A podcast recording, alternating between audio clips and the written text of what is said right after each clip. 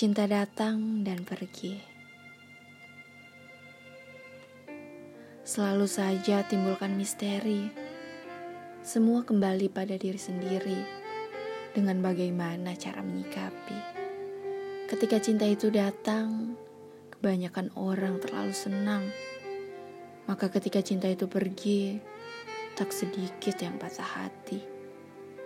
Cinta sebenarnya adalah rasa abadi yang datang untuk bahagia dan yang pergi tanpa luka. Seperti cinta orang tua kepada para anaknya. Mereka begitu tulus memberinya tanpa pernah meminta imbalannya. Lalu mengapa? Mengapa manusia sering terluka? Karena mereka salah dalam mengartikan cinta. Mereka salah dalam menilai sebuah rasa. Maka mereka kecewa.